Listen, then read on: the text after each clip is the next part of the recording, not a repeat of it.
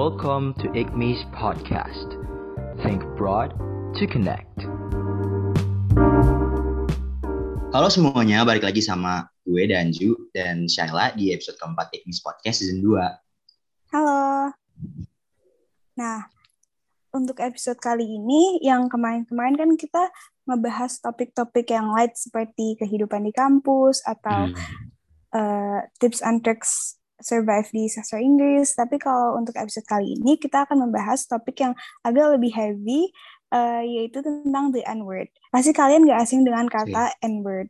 Karena uh, N-word ini sudah uh, menjadi istilah yang cukup infamous atau kontroversial di kalangan masyarakat dan di sini kita akan membahas uh, asal usulnya dan maknanya dan uh, kenapa orang yang tidak dan kenapa orang yang bukan African American tidak boleh memakai kata tersebut.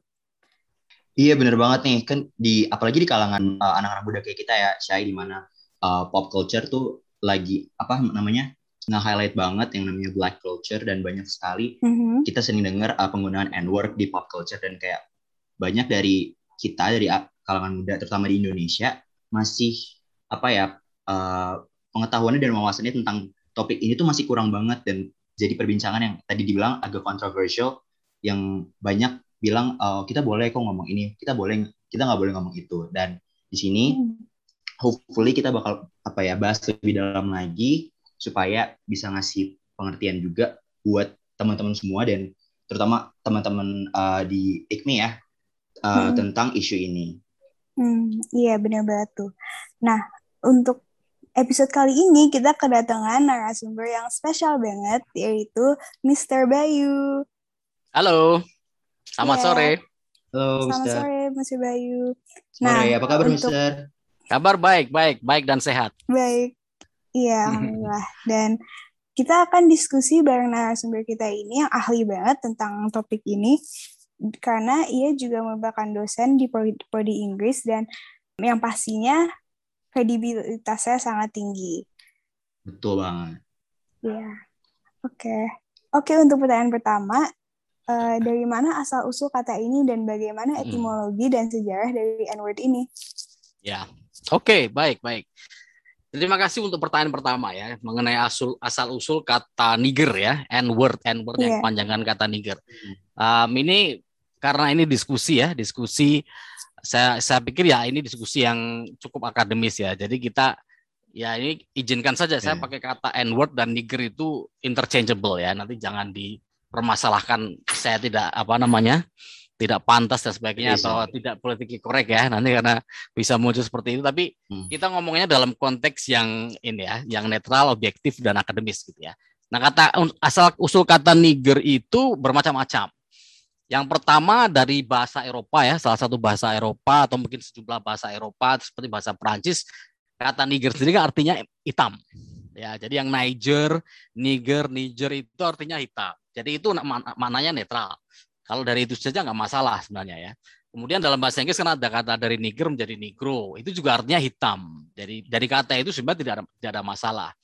Kemudian ketika orang-orang Afrika yang diper, dijual sebagai budak itu dibawa dari Afrika ke Amerika, itu orang kulit putih yang menjadi para ini ya pembel, uh, penjual pengelolanya itu memanggil mereka itu dengan sebutan nige, nigu, tulisannya itu N I G G U H S, nige gitu ya, bacanya nige gitu. N I G G U uh, sorry N I G G U H S, nige gitu kan itu hanya itu ungkapan untuk hanya menandai saja artinya menyebut orang-orang kulit hitam dari Afrika itu sebagai orang kulit hitam ya. Nah di bahasa Inggrisnya itu menjadi nigger gitu. Itu netral netral. Jadi tidak tidak ada waktu itu karena slavery atau perbudakan baru ah, istilahnya baru awal baru mulai. Jadi itu hanya semata-mata menunjukkan oke okay, mereka itu orang kulit hitam dari Eropa dari dari Afrika gitu saja. Hitam gitu ya. Itu awalnya seperti itu. Jadi itu ya sebenarnya netral saja awalnya gitu ya tapi kan kemudian yang terjadi orang-orang kulit hitam ini diperbudak.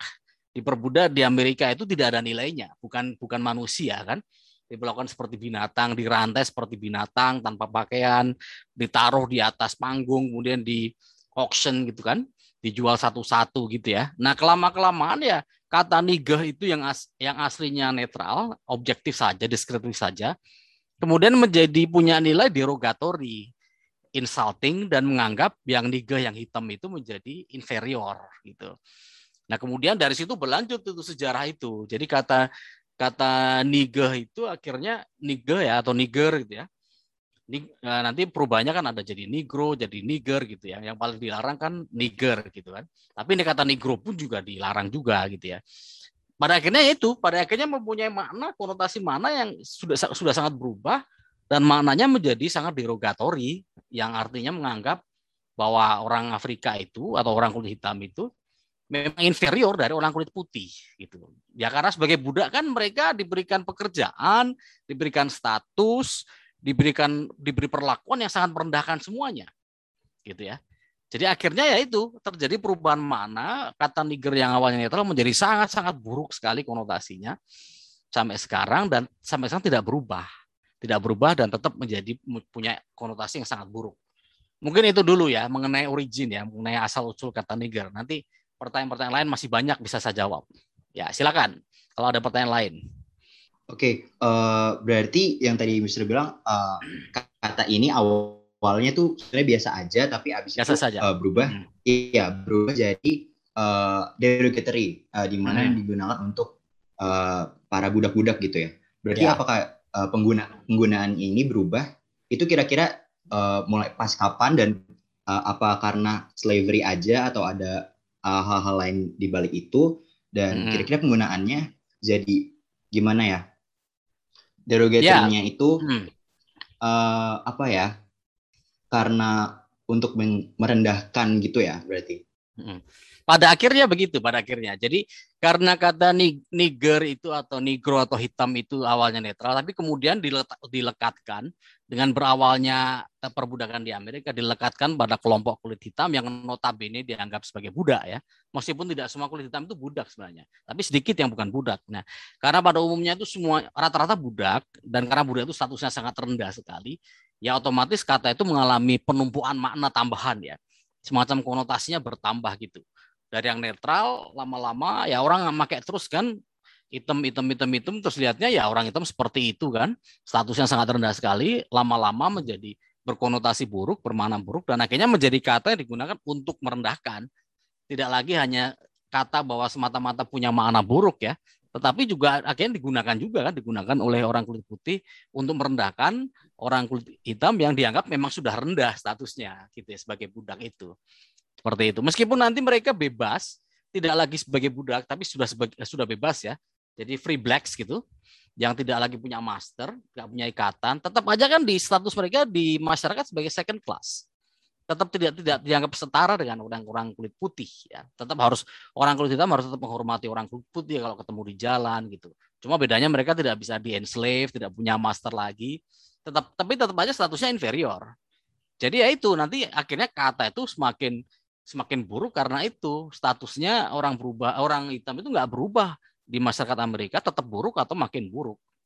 Nah makanya maknanya juga semakin buruk. Oh begitu, oke. Okay. Ya. Kalau begitu kan dari zaman dulu katanya emang digunakan sebagai slur ya. Tapi kita sering dengar uh, orang-orang Afrika Amerika menggunakan hmm. kata ini baik di kehidupan sehari-hari di media sosial mm. dan bahkan di pop yeah. culture seperti di lagu-lagu rap kayak yeah. lagu-lagu rap biasanya uh, ada banyak mm. banget lirik itu dan yeah. Ya. uh, apakah masa sekarang masih digunakan dalam konteks yang sama kayak sebagai derogatory mm. term? Ya, yeah, oke. Okay. Nah, sekarang pertanyaannya adalah kalau yang menggunakan adalah orang African American sendiri yeah, menggunakan kata nigger itu untuk mengacu ke diri mereka sendiri ya. Mm-hmm. Itu. Jadi apakah yes. maknanya berubah, signifikansinya apa gitu ya. Nah, ini ada dua pemaknaan. Mm-hmm. Yang pertama itu seorang scholar African American namanya Henry Louis Gates Jr. itu sangat terkenal sekali. Itu pernah mengatakan bahwa hanya orang African American yang bisa mengerti bahasa atau bahasa vernakuler ya. Bahasa vernakuler itu bahasa satu kelompok khusus masyarakat khusus itu hanya mereka sendiri yang, yang bisa memahami itu. Karena mereka yang menggunakan mem memproduksi menggunakan menciptakan dan memang memakainya terus setiap hari. Jadi kalau mereka menggunakan kata nigger, terus kata-kata lain mungkin yang jelek-jelek gitu ya, entah bitch, entah fuck dan sebagainya dalam konteks mereka, dalam konteks lagu dan sebagainya. Kalau si scholar ini membelanya itu adalah bahasa vernakular khususnya orang kulit hitam. Itu punya pemahaman sendiri, pemahaman sendiri. Jadi makna baik dan buruk itu moralitas dan sebagainya itu nggak bisa diterapkan, terutama oleh orang luar, orang kulit putih atau orang non kulit hitam. Ya, jadi dia melakukan pembelaan. Itu adalah cara orang African American menggunakan bahasa, kemudian membuat bahasa itu milik mereka sendiri untuk mengekspresikan pikiran, perasaan ide mereka sendiri gitu. Jadi tidak bisa di, dianggap itu bahasa yang tidak pantas istilahnya. Itu yang pendapat pertama. Pendapat kedua itu juga datang dari orang African American sendiri yang mengatakan seharusnya tidak begitu. Meskipun orang African American itu uh, punya, merasa punya hak untuk pakai kata nigger ya, seharusnya itu tidak digunakan untuk mengacu ke diri mereka sendiri. Yang pertama adalah sejarahnya itu sangat penuh dengan masalah penindasan, kekerasan ya kebrutalan dari orang kulit putih ke kulit hitam. Jadi kata itu masih sangat-sangat penuh dengan makna yang sangat negatif, sangat traumatik gitu ya. Nah sekarang orang kulit hitam itu pakai untuk mereka sendiri gitu kan. Tetapi kan sebenarnya makna kata itu nggak hilang. Meskipun itu ditujukan untuk mereka sendiri, kadang-kadang ditujukan untuk sesama, teman dekat, bahkan suami istri itu sifatnya mungkin nggak lagi konotasi buruk ya, bahkan bisa menjadi ungkapan sayang ya. Misalnya kalau saya bilang kata bangsat itu kan ada makna tergantung konteksnya. Bisa makna sangat merendahkan atau kalau ke teman dekat mungkin justru ungkapan ungkapan dekat dengan dia gitu kan. Eh bangsat yeah. mana aja lo gitu tuh maknanya bisa positif ya. Nah, bisa seperti itu. Cuma masalahnya adalah kalau ini ini ini pendapat kedua orang-orang Afrika Amerika yang komplain nggak suka dengan penggunaan kata nigger oleh orang mereka sendiri. Mereka bilang ya meskipun itu bisa menggunakan digunakan sebagai kata yang bermakna beda ya, tapi muatan sejarah itu nggak akan hilang. Maka muatan sejarah yang menyakitkan itu akan tetap ada di situ.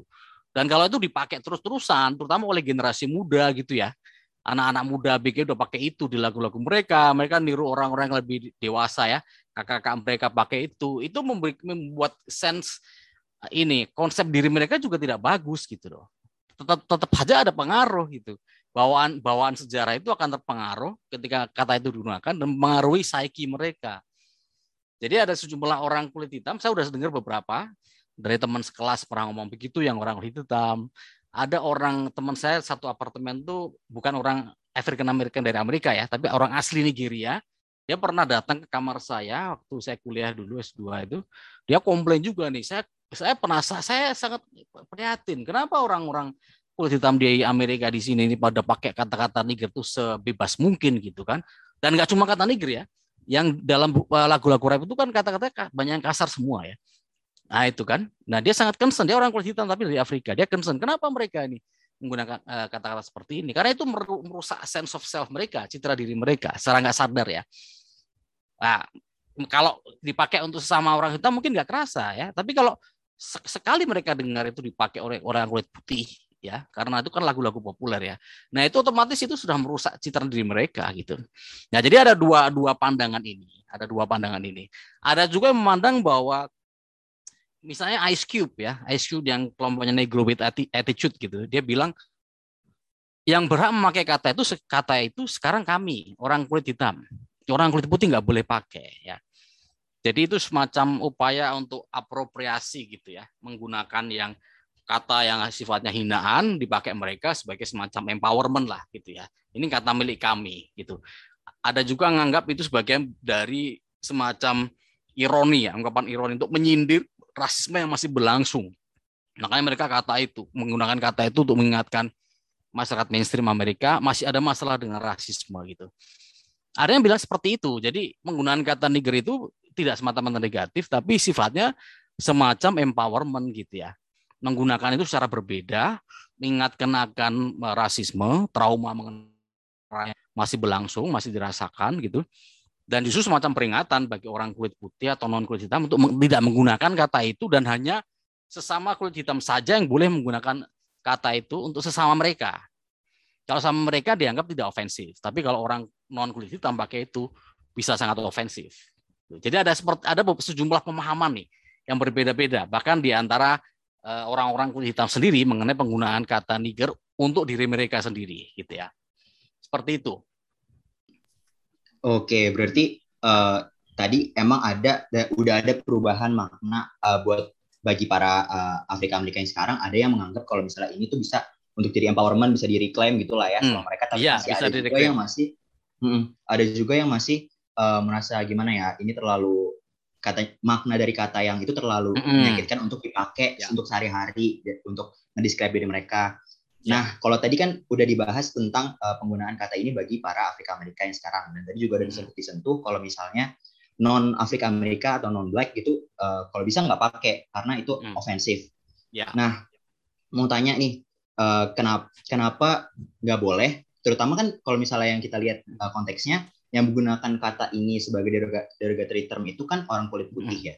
Nah, hmm. apakah orang yang non black tapi dia juga bukan kulit putih ini seperti kayak orang Asia hmm. atau uh, yeah. Latino segala macamnya itu juga nggak boleh pakai. Hmm. Padahal kan yeah. banyak banyak argumen yang bilang kan kita nggak nggak apa ya bukan bukan orang-orang bukan pelaku yang menggunakan kata itu sebagai uh, kata yang yeah. derogatory. Nah, apakah kita juga nggak boleh menggunakan hal itu terus hmm. menggunakan kata itu terus juga uh, mau nanya misalnya uh, kan ini konteksnya Afrika Amerika ya kalau misalnya hmm. orang-orang kulit hitam juga yang misalnya berasal dari luar Afrika Amerika kan hmm. seperti yang mungkin dari Afrikanya langsung atau dari misalnya hmm.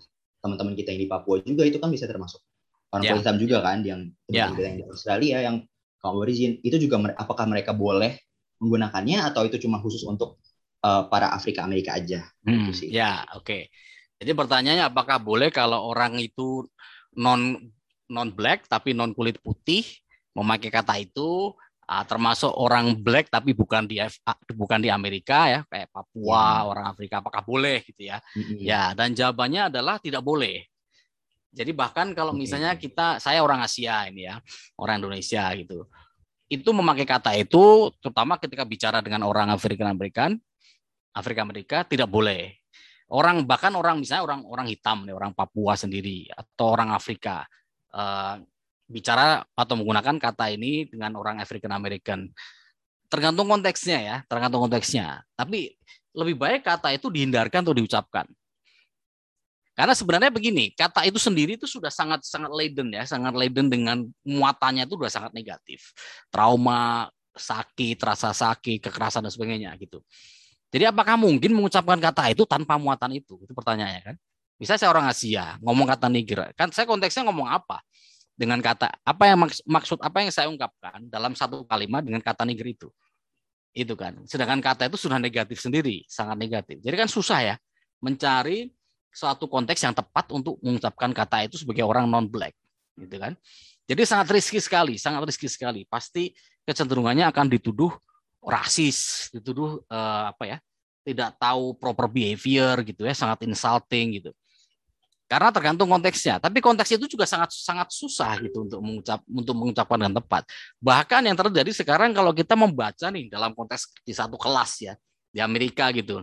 Kita belajar sastra, sastra yang di dalamnya ada sastra klasik itu kan sering masih banyak kata-kata yang asli dipakai dari zaman dulu kata seperti kata niger itu kita nih orang non kulit hitam nih, kita baca gitu ya, kita baca lain gitu, membaca lain itu ada kata niger.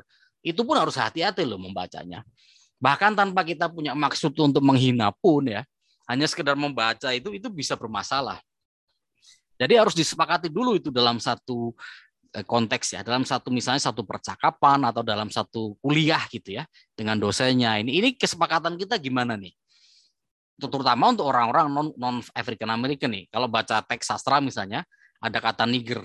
Nah ini ini gimana nih kesepakatannya? Boleh nggak saya mengucapkan kata itu atau kalau di TV kan di beep gitu kan? Apakah saya harus beep gitu?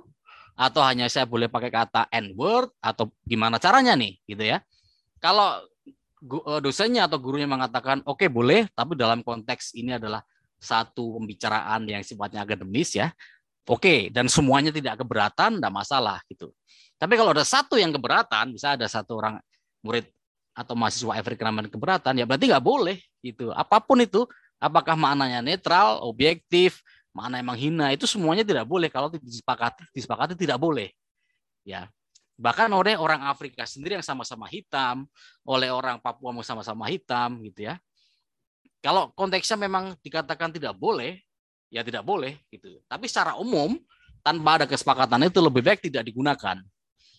takutnya kita salah bicara gitu ya. Apalagi kalau kita non African American.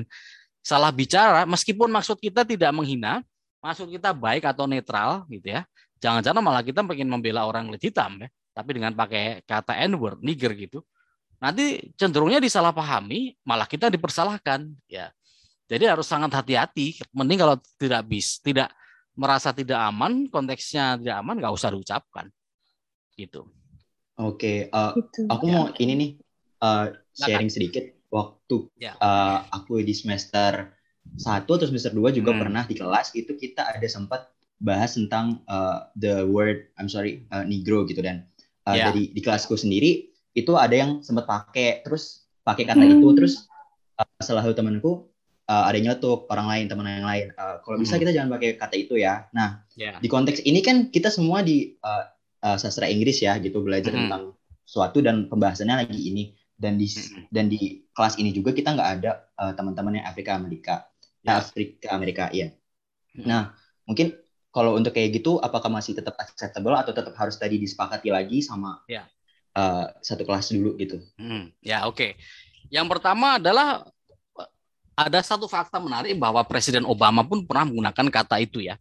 Dalam satu hmm. pidatonya dia bilang hmm. masalah masalah eh, rasisme itu bukan masalah penggunaan nigger kata nigger di publik dia bilangnya nigger bukan n word gitu. Nah itu pun orang udah banyak ada yang kontroversi itu. Ini benar gak sih masa presiden orang kulit hitam sendiri dibilang kata itu tanpa disensor, dianya nggak punya niat sensor gitu, ya kan? Nah, itu pertama gitu ya. Jadi pernah ada kejadian ya seperti itu, seorang presiden kulit hitam di depan publik ya pidato tuh pakai kata itu gitu. Yang kedua kalau konteksnya kelas seperti itu, nah yang pertama dipahami adalah satu kelas tahu nggak konteks penggunaan kata itu tepat tidaknya gitu. Tepat hmm. tidaknya penggunaan kata itu. Jangan sampai ada di satu satu kelas itu ada satu dua mahasiswa ya atau murid ya yang nggak tahu konteksnya, terus dia takut atau tidak takut, sama aja ya. Tapi kalau tidak tidak tahu konteksnya sama-sama salahnya. Yang pertama harus tahu dulu tuh sejarah kata itu seperti apa, konteks penggunaannya seperti apa, muatannya seperti apa, tepat tidaknya seperti apa, itu harus ketahui dulu gitu ya. Oke, saat semua orang nanti semua on the same page gitu. Kalau sudah itu diketahui, sama-sama tahu sepenuhnya, baru disepakati. Ini ini kelasnya kelas apa nih? Misalnya kelas sastra, kelas sastra Amerika, membahas sastra uh, kulit hitam gitu ya dan di situ ada kata negro, ada kata niger atau kata yang jelek yang lain gitu kan. Nah gimana nih mau dipakai apa enggak gitu. Karena kalau konteksnya kalau buat saya konteksnya itu mengutip dan membahas gitu ya tanpa ada maksud diragot deragotori gitu ya. Misalnya ketika kita membahas The Adventures of Huckleberry Finn yang disebutnya itu 200 kali di situ. Ya kita harus pakai kata itu disebut nggak apa-apa. Tapi itu tadi ya, setelah tahu konteks semuanya, sejarahnya tahu semua, dan kita menggunakan dengan maksud yang jelas, yaitu hanya membahas. Membahas, mengutip, dan membaca. Itu harus disepakati dulu. Dosennya ngomong apa nih? Dosennya juga harus jelas, harus tegas ya. Karena ada judul buku, ada judul buku, itu nama judulnya buku Understanding Negro Literature, yang nulis orang kulit hitam. Kalau sampai nggak boleh mengucapkan kata negro ya aneh juga ya. Orang itu judul buku kok. Yeah masa bilang understanding i literatur kan aneh gitu ya. Nah, tapi itu itu hanya bisa dilakukan kalau semua orang sudah sadar sepenuhnya akan muatan kata itu gitu. Jadi mungkin teman kamu di konteks yang tadi Danju sebutkan itu ada sesuatu yang kurang di situ. Kalau dia semata-mata melarang temannya eh, nggak uh, boleh pakai kata itu ya harus harus ada dasarnya dulu itu larangannya apa gitu. Tidak hmm. bisa semata-mata melarang, ya. Bisa melarang betul, betul. Kalau disepakati kita nggak boleh pakai kata itu karena itu sangat-sangat menyakitkan buat saudara yeah. kita di Afrika. Ya boleh, nggak apa-apa itu bagus itu. Hmm. Tapi kalau kita mau mengucapkan dalam konteks pelajaran, ya dalam konteks mengutip, membaca, itu nggak apa-apa, ya nggak apa-apa. Tapi memang ya, memang perlu dipahami kalau konteksnya kita berada di tengah tengah uh, kelas di Amerika dan ada sejumlah mahasiswa Afrika Amerika, itu harus sangat hati-hati. Beda konteksnya yeah. kalau kita di sini. Nah, ini mereka ditanyakan dulu ke anak-anak yang African American. Gimana nih? Ada ada preferensi enggak nih? Ada ada semacam keberatan apa enggak gitu. Ya, kalau ada keberatan ya satu aja keberatan udah nggak boleh gitu ya. Nggak usah dibaca. Entah pakai kata N word, entah pakai kata gantinya gitu ya. Itu. Jadi harus ada ada pengetahuan yang penuh sepenuhnya jelas konteks yang sejarahnya dan ada kesepakatan begitu.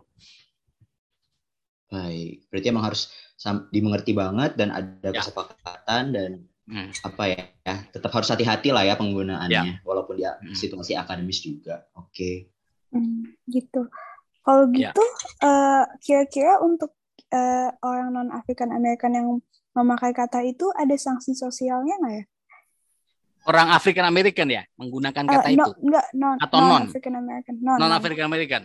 Ya. Apakah ada sanksi sosialnya kalau menggunakan kata itu? Yeah. Yeah.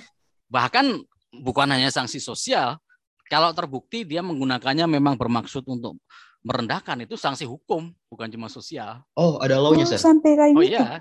Ya betul, betul. Oh. Kalau terbukti ya, misalnya ada orang kulit putih nih, apalagi loh dia orang punya pejabat ya, ngomong di depan umum hmm. pidato gitu. Terus dia menggunakan kata itu. Nah, itu nanti harus dipahami dulu itu dia ngomong itu konteksnya apa gitu. Dia ngomongnya memang cara dengan cara bicaranya, dengan konteks dia bicara itu kalau terbukti itu tujuannya menghina, ya dia bisa ada kena tuntutan hukum itu. Itu bahaya sekali. Tapi kalau konteksnya mungkin ya, dia sedang mengutip terus tanpa sadar ke bawah gitu. Dia langsung baca aja gitu tanpa minta maaf, tanpa quote gitu ya. Itu atau tanpa apologi itu. Ya itu mungkin masih bisa dipahami, masih bisa diterima gitu. Gitu ya. Nah, tapi kalau kalau tujuannya memang terbukti merendahkan, bukan sosial lagi, itu sudah hukum. Kalau sosial jelas dimarahin oleh orang-orang kulit hitam ya. Kalau tujuannya tujuannya menghina ya. Sadar apa nggak sadar ternyata itu sang, cenderung untuk menghina ya dia akan akan dapat cercaan pasti dari orang-orang kulit hitam. Tapi kalau terbukti itu adalah hate speech sudah ada undang-undangnya dia bisa dibawa ke pengadilan. Itu ya. Meskipun meskipun dalam kenyataan masih banyak orang kulit putih yang pakai kata itu dengan sangat rileks santai gitu ya. Memang tujuannya menghina gitu ya. Itu masih banyak juga kan. Ya yang bermasalah kan kalau ketangkap. Kalau ketangkap terbukti. Ini biasanya pejabat misalnya kan. Dia bicara depan umum depan publik ada pidato tangkap kamera nah ada buktinya. Nah ini yang bermasalah ini. Tapi kalau yang orang biasa di luar sana masih banyak sebenarnya ngomong itu. Tapi ya mungkin di antara mereka saja kulit putih saja gitu ya mungkin di, di depan publik mungkin nggak tangkap kamera nggak ada buktinya tapi yang pas ketangkap kalau ada buktinya nah itu tergantung tuh dibuktikan dulu kalau ternyata terbukti, ya itu sanksinya sanksi hukum. Kalau tidak ter, tidak sampai ke taraf hukum, ya sanksinya sanksi sosialnya ya itu. Kalau di Amerika sih konteksnya berupa ini. Kalau di Indonesia kan sanksi sosial itu mesti di, seperti dikucilkan. Kalau di sana kan mungkin ya dicerca gitu ya, dicerca atau dimaki-maki di media sosial gitu. Kalau kasusnya kemarin polisi yang bunuh orang kulit hitam di itu Minnesota, bunuh George Floyd ya, si Derek Chauvin itu, rumahnya tuh sampai diserbu orang tapi nggak sampai dihancurin sih tapi di, dicoret-coret, dihina-hina, dicaci maki itu lewat coretan, lewat grafiti-grafiti gitu. Atau orang mungkin datang sambil teriak-teriak gitu. Itu seperti itu sanksinya. Tapi kan itu udah level-levelnya parah ya, membunuh gitu ya. Ya kalau sanksinya mungkin hanya menghina lewat lewat lewat kata-kata nggak sampai segitunya, tetap aja ada ada sanksi sosial. Paling gampang sih di media sosial sekarang gitu. Seperti itu ya. Oke, berarti uh, mau ini nih apa namanya uh, sedikit touch on yang tadi hmm. uh, masalah George Floyd itu hmm. uh, kira-kira gimana ya kalau tadi kan katanya uh, apa yang urusan yang membunuh George Floyd itu dia dapat hmm. So, uh, sanksi yang benar-benar sampai di itu banget kan di itu hmm. ya yeah. kira-kira uh, apa namanya mungkin ini agak sedikit apa namanya menjauh dari topik kita N-word, mm -hmm. tapi tentang Edward tapi kita mau nanya nih kalau misalnya tadi kan uh, kalau yang ya. untuk George Floyd uh, yang pembunuhnya George Floyd itu dia sampai dikasih sanksi yang benar-benar parah banget gitu. Nah, tapi hmm. sering lihat kan kalau misalnya misalnya nih di TikTok atau misalnya di sosial media di mana kayak ya. ada orang yang bukan public figure juga dia cuma sekedar kayak ya udah user biasa uh, apa namanya ketangkep gitu misalnya mm uh, dia singing singing along to a song di mana nah. ada kata n-wordnya gitu. Nah, oh, ya, iya. itu dia. Kalau iya. Mm -hmm. Nah, terus uh, apa namanya? Sering banget dia dapat backlash gitu kan. Nggak uh, boleh kalau bisa nggak boleh apa namanya? Kita ikutan nyanyi walaupun nggak ngomong juga kayak mouthing the words and word mm. gitu saat saat sedang ada lagu yang memutar tentang ada kata itu. Nah, Mm-mm. saya Mm. kira kadang tuh mereka sampai dapat backlash yang benar-benar sampai parah banget dan kayak Ya. bisa ngancurin apa namanya eh, kehidupan mereka juga terutama profesional mereka. Nah, Kira-kira menurut Mister itu tang- tanggapan Mister terhadap itu apa? Apakah itu sesuatu yang perlu sampai dibesar-besarkan banget? Apa kita sebagai non black juga nggak bisa apa ya nggak bisa menjudge itu karena itu bukan uh, posisi kita untuk ngomong kan untuk ngejudge Mm-mm. hal tersebut kan Ya, ya. atau gimana menurut Mister sendiri? Ya. Ya, jadi ini konteksnya misalnya kita lagi nyanyi bareng-bareng gitu ya. Nyanyi lagu misalnya lagu rap atau lagu hip hop, hip hop itu bahkan nyanyinya bareng-bareng sama teman- teman-teman orang African American, tapi kita bukan African American. Terus kita sebut kata itu terus kita kena backlash gitu ya, kemarahan gitu kan. Kita dicela, dicerca atau bahkan terancam dipecat dari pekerjaan misalnya. Begitu ya, seperti itu konteksnya kan. Iya. Mm-mm. Nah, kadang-kadang ini memang masalahnya rumitnya begitu. Jadi karena kata N-word dan si- histori sejarahnya Afrika Amerika itu sangat menyakitkan ya. Jadi itu menjadi satu isu sangat sensitif.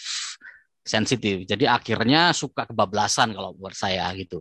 Kebablasan dalam arti pokoknya siapa pun yang menggunakan kata kata N-word gitu asal dia bukan orang kulit hitam nanti pasti kena marah gitu.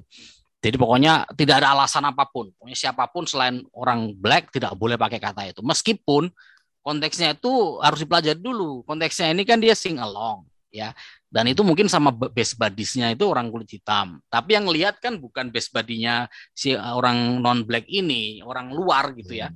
Melihat terus merasa loh ini kok bukan orang kulit hitam kok dia pakai kata itu begitu saja gampang banget kan sing along gitu kan. Berarti dia ber, nanu dong, dia bersalah, dia rasis gitu. Nah, kadang-kadang suka suka kebablasan ke arah situ gitu. Salah satu contohnya itu waktu itu si Kendrick Lamar ya, penyanyi kulit hitam itu, dia mengajak salah satu fan-nya yang kebetulan bukan orang kulit kulit hitam ke panggung, ngajak dia nyanyi lagunya dia, lagu yang diciptakan si Lamar itu kan. Ayo nyanyi bareng Oh, berdua gitu di panggung. Lah si cewek ini kan nyanyi gitu kan, nyanyi cuma baca liriknya kan namanya juga nyanyi, orang itu ciptanya si Lamar sendiri.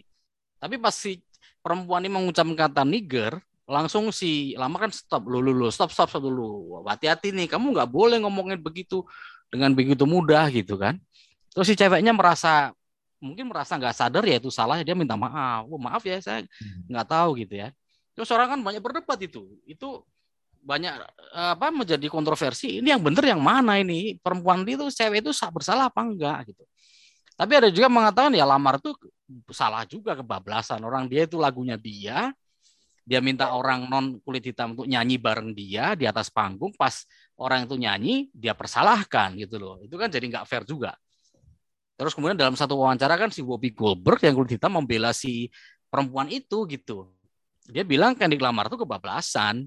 Itu nggak tepat juga. Orang itu lagu dia, dia juga ngajak ke panggung. Orang si perempuan tuh baca dengan begitu gampang ya, ya kan, kan sengelong itu kan sengelong. Kenapa dia dipersalahkan gitu?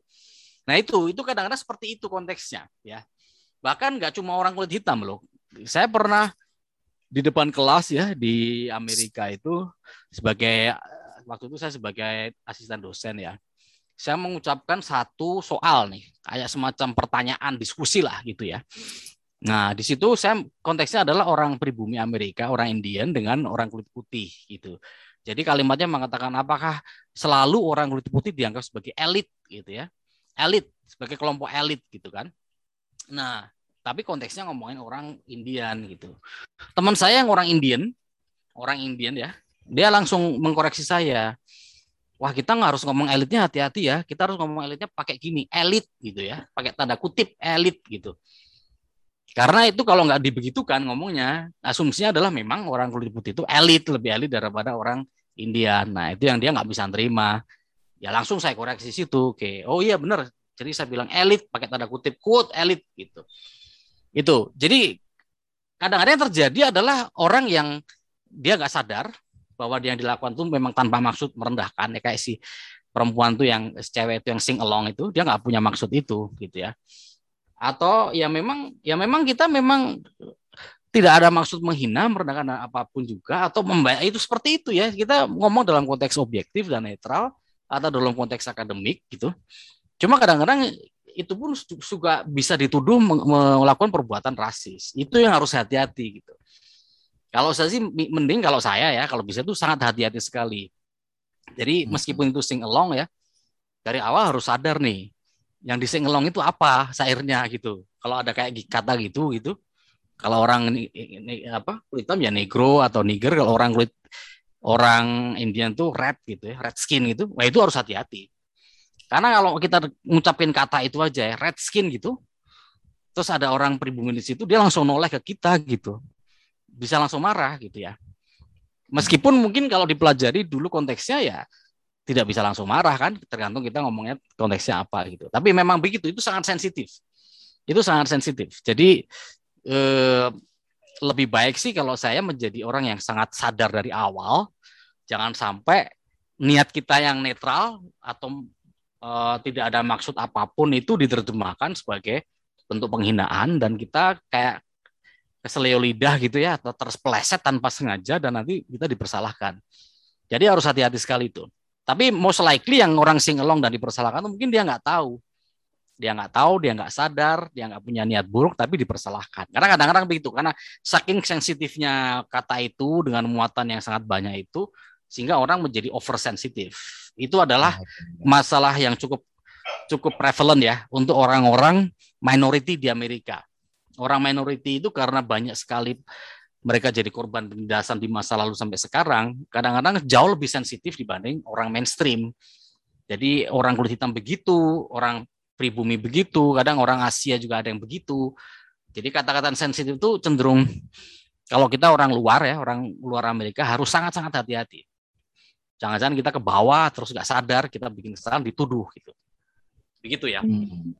Berarti emang uh, apa uh, reaksi mereka yang menurut kita atau menurut uh, beberapa orang agak oversensitif gitu itu hmm. karena emang hmm. penindasannya juga emang separah itu ya berarti ya, ya, sampai orang-orang bisa punya reaksi hmm. kayak gitu oke okay. hmm. hmm. okay, kadang okay. kalau saya boleh pakai satu contoh lain ya ini konteksnya uh -huh. nih orang kulit pribumi nih orang pribumi nih ya yeah. waktu itu saya ngumpul sama teman-teman saya yang orang pribumi ini ya di apartemen mereka gitu terus mereka tuh marah-marah karena ada orang ada orang kulit putih ini kemungkinan nih dia itu punya usaha bikin baju sab kayak sablon lah kalau kita bilang sablon gitu ya hmm. nah itu gambarnya itu orang rokok gitu lah istilahnya kalau kita tuh nyimeng lah gitu ya yeah. itu jadi ngerokok gitu kan rokok lintingan tuh kecil loh ya seperti yeah. ganja mungkin ya hmm. Nah itu, terus kepalanya tengkorak gitu loh, cuma kepala tengkorak senang rokok. Tapi di atasnya tuh ada bulu-bulu orang Indian itu, orang native itu loh orang native gini kan. Jadi itu mengacu ke orang pribumi. Terus hmm. ada satu bahasa, satu ungkapan slang yang namanya chief in ya. Hmm. Chief in itu artinya itu rokok itu, rokok ganja itu nyimeng itu itu bahasa slangnya chief in. Nah, karena ada kata chief ya, karena ada kata chief yang bikin sablon itu tambahinlah itu gambarnya tambah dengan itu bulu-bulu orang pribumi itu. Nah, itu banyak sekali orang pribumi marah-marah karena itu. Jadi satu sisi pertama ada benarnya juga. Yang gambar tuh nggak nggak dia juga tidak sensitif ya. Jangan gampang dia menggunakan ikon-ikon pribumi untuk untuk mendukung usaha dia dia karena ini usaha sablon gitu loh. Jadi dari sisi itu dia tidak tepat ya. Itu itu satu langkah yang salah gitu. Di sisi lain mungkin orang kulit orang pribumi juga uh, menurut saya cukup oversensitif juga gitu ya. Pokoknya sesuatu yang sedikit saja diragu di, dianggap diragu derogatori itu menimbulkan kemarahan gitu ya. Sedikit saja gitu. Jadi dua pihak itu ada ada ada keben, ada benarnya ada salahnya juga gitu ya. Hmm. yang si yang membuat sablon itu seharusnya dia lebih lebih sensitif lagi nggak menggunakan dengan arbitrari semau, dia gitu ya. Apalagi tanpa ada persetujuan tanpa minta izin komunitas pribumi itu nggak benar. Yang orang pribumi ada benernya itu memprotes seperti itu karena ini kan komersialisasi ini apropriasi pencurian ya Yeah. Tapi kadang-kadang untuk untuk uh, bentuk-bentuk yang lain ya kadang-kadang terlalu sensitif juga gitu loh. Semuanya diprotes gitu. Ya itu kelemahannya. Tapi itu nggak cuma orang pribumi, itu orang Afrika Amerika juga uh, sering ada kecenderungan seperti itu. Mungkin orang Asian Amerika juga begitu. Karena begitu ya.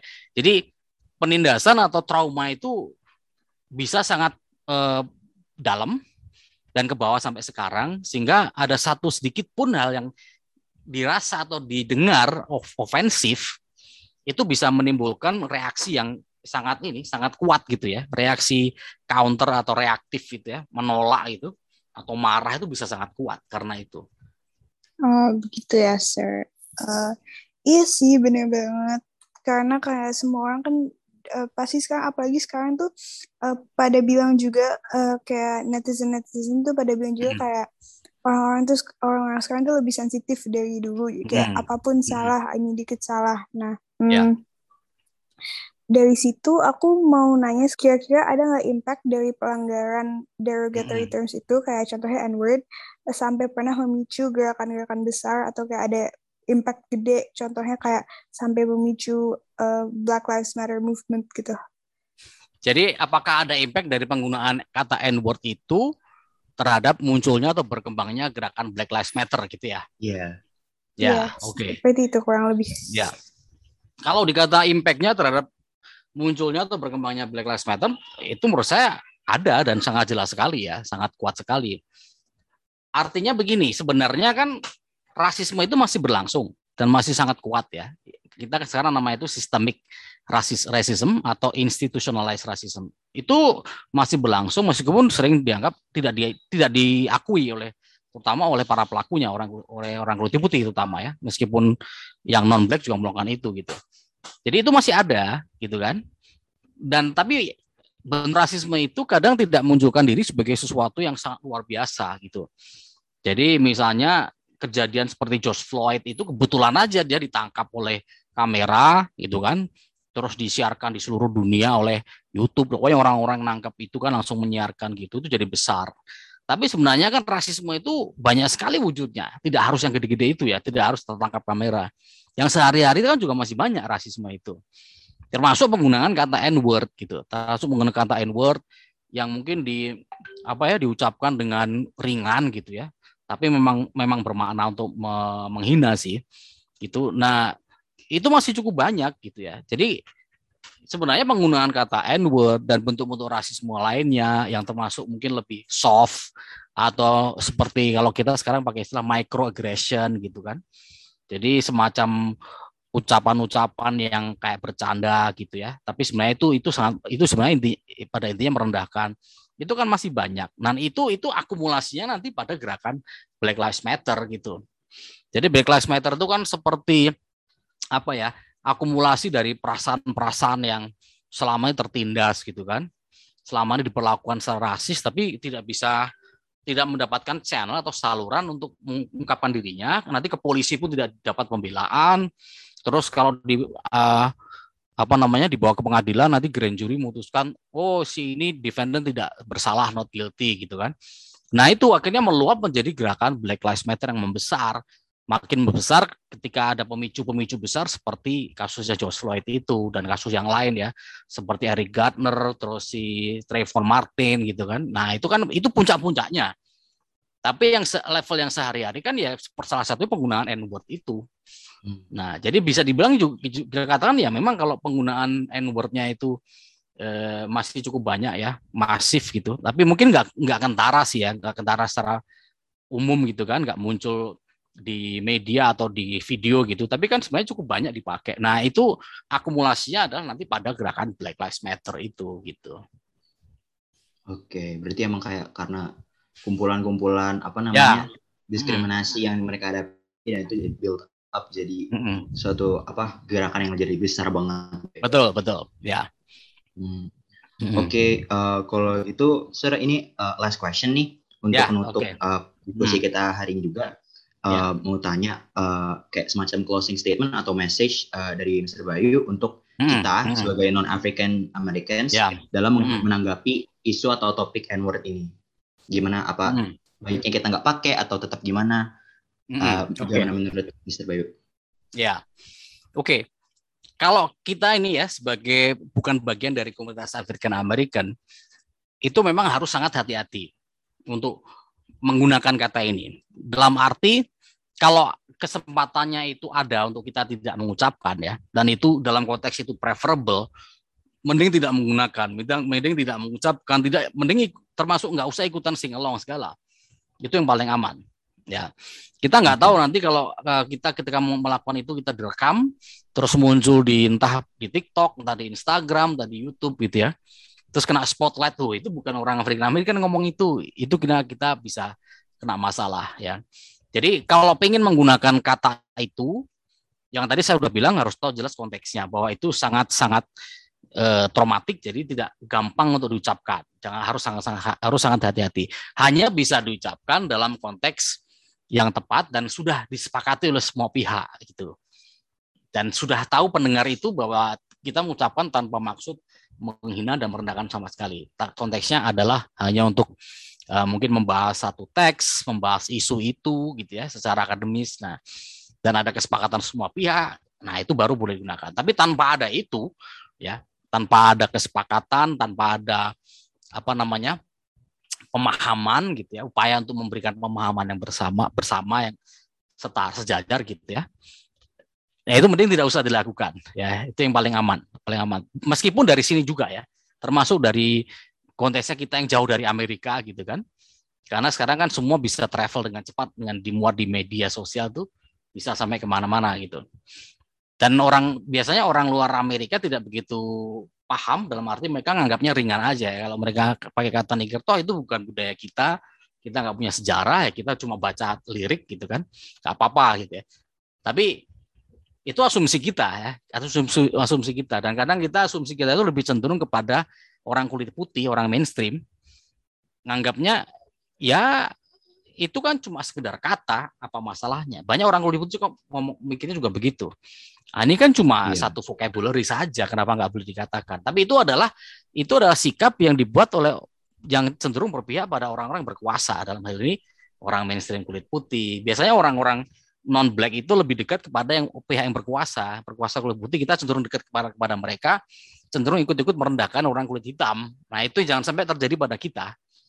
Ya di mana pun kita ya. Hmm. apakah di Amerika kita lagi di Amerika Serikat apalagi sedang di sana ya jauh lebih lebih membahayakan gitu kan lebih berisiko. Termasuk ketika kita pun lagi di sini pun di Indonesia ya itu harus sangat hati-hati gitu. Harus ada tadi beberapa hal yang saya sebutkan untuk uh, sebagai precaution harus ada dulu sebelum kita bisa memakai kata ini gitu ya kalau konteks kita ini saya anggap ini adalah satu pembicaraan percakapan yang sifatnya objektif, netral dan akademis. Jadi saya merasa tidak tidak apa-apa menggunakan kata entah N-word atau Niger atau Niger atau Niger itu untuk menjelaskan makna, makna dan sejarahnya begitu. Mungkin begitu ya. Uh, last statement dari saya, closing statement. Oke, okay. Thank you Mr. Bayu udah mau luangin waktunya untuk diskusi dan berbagi ilmu di podcast IKMI kali ini. Aku benar-benar kebuka banget pikirannya kayak dan banyak insight baru dan banyak uh, new stuff yang kayak aku baru tahu sekarang kayak misalnya uh, kalau misalnya kita nge-misuse the N-word tuh kita bisa sampai kena hukum. Itu aku baru tahu. Ya. Yeah. Mm -hmm. Ya, yeah, thank you banget Mr. Bayu. Oke, okay, sama-sama mm-hmm. uh, dapat insight yang banyak, wawasan baru dan apa ke depannya bisa gimana ambil gimana uh, bersikap dalam apa menghadapi mm. isu ini dan penggunaan kata ini. Uh, semoga ke depannya uh, bisa apa buat teman-teman semua yang mendengar juga bisa jadi pelajaran mm-hmm. dan wawasan juga. Nah, yeah. tadi kita dari awal udah bahas nih, sampai uh, udah bahas mulai dari asal usulnya, etimologinya, terus uh, sejarahnya dan penggunaannya zaman dulu dan penggunaannya di zaman sekarang dan kira-kira bagi teman-teman seperti kita yang non African American itu baiknya gimana untuk me, mm-hmm. apa menanggapi isu ini. Nah, oke, okay, um, terima kasih Mr. Bayu. Semoga ke depannya kalau misalnya ada kesempatan lagi bisa jadi narasumber dan guest di podcast kita lagi. Ya, oke, okay, boleh saja. Silakan. Ya, uh-uh. thank okay, you, sir. Thank you, sama-sama. Thank you. Hmm. Ya. It was nice having you today. Uh, oke. Okay. Nah, kebetulan ini udah episode terakhir season 2 nih. Sadly, episode keempat ini adalah episode terakhir dari Itnis Podcast season 2 karena uh, ke depan-depannya kita bakal eh jangan deh, jangan jangan enggak. Um, okay. Sadly, episode kali ini uh, episode keempat ini adalah episode terakhir dari season 2. Sedih banget. Hmm. Uh, Iya, ke depannya iya. kita mau gimana Danju? Ya, nah mungkin ke depannya uh, kita bakal ketemu lagi di season 3 mungkin upcoming. Tapi itu untuk ya ditunggulah ya untuk teman-teman semuanya. Iya. Uh, thank you banget. Kita juga mau ngucapin thank you untuk para pendengar semua yang udah setia dengerin gue sama Shaila dari episode pertama sampai Mhm. episode terakhir. Kita udah bahas banyak banget topik ya, mulai dari yang Iya. light kayak eh, hubungan dengan kuliah dan setelah graduation dan kayak hari ini kita Iya. udah belajar tentang Mm-mm. hal-hal tentang yang uh, social issues kayak the use of N-word dan episode pertama banget kita juga bahas tentang uh, stop Asian hate ya. Anti-Asian hate. Uh, uh. Stop Dan Asian hate. mm-mm, hopefully podcast IKMI ini bisa ngasih banyak insight buat teman-teman semua dan bisa jadi hiburan juga yang nemenin kalian di weekend gitu. Mm-mm. Iya. Nah, with that being said, gue Shaila. Dan gue dan Ju pamit undur diri. See you next Yeah. time. See you next time. Bye bye. Thank you so much for listening. Thank you.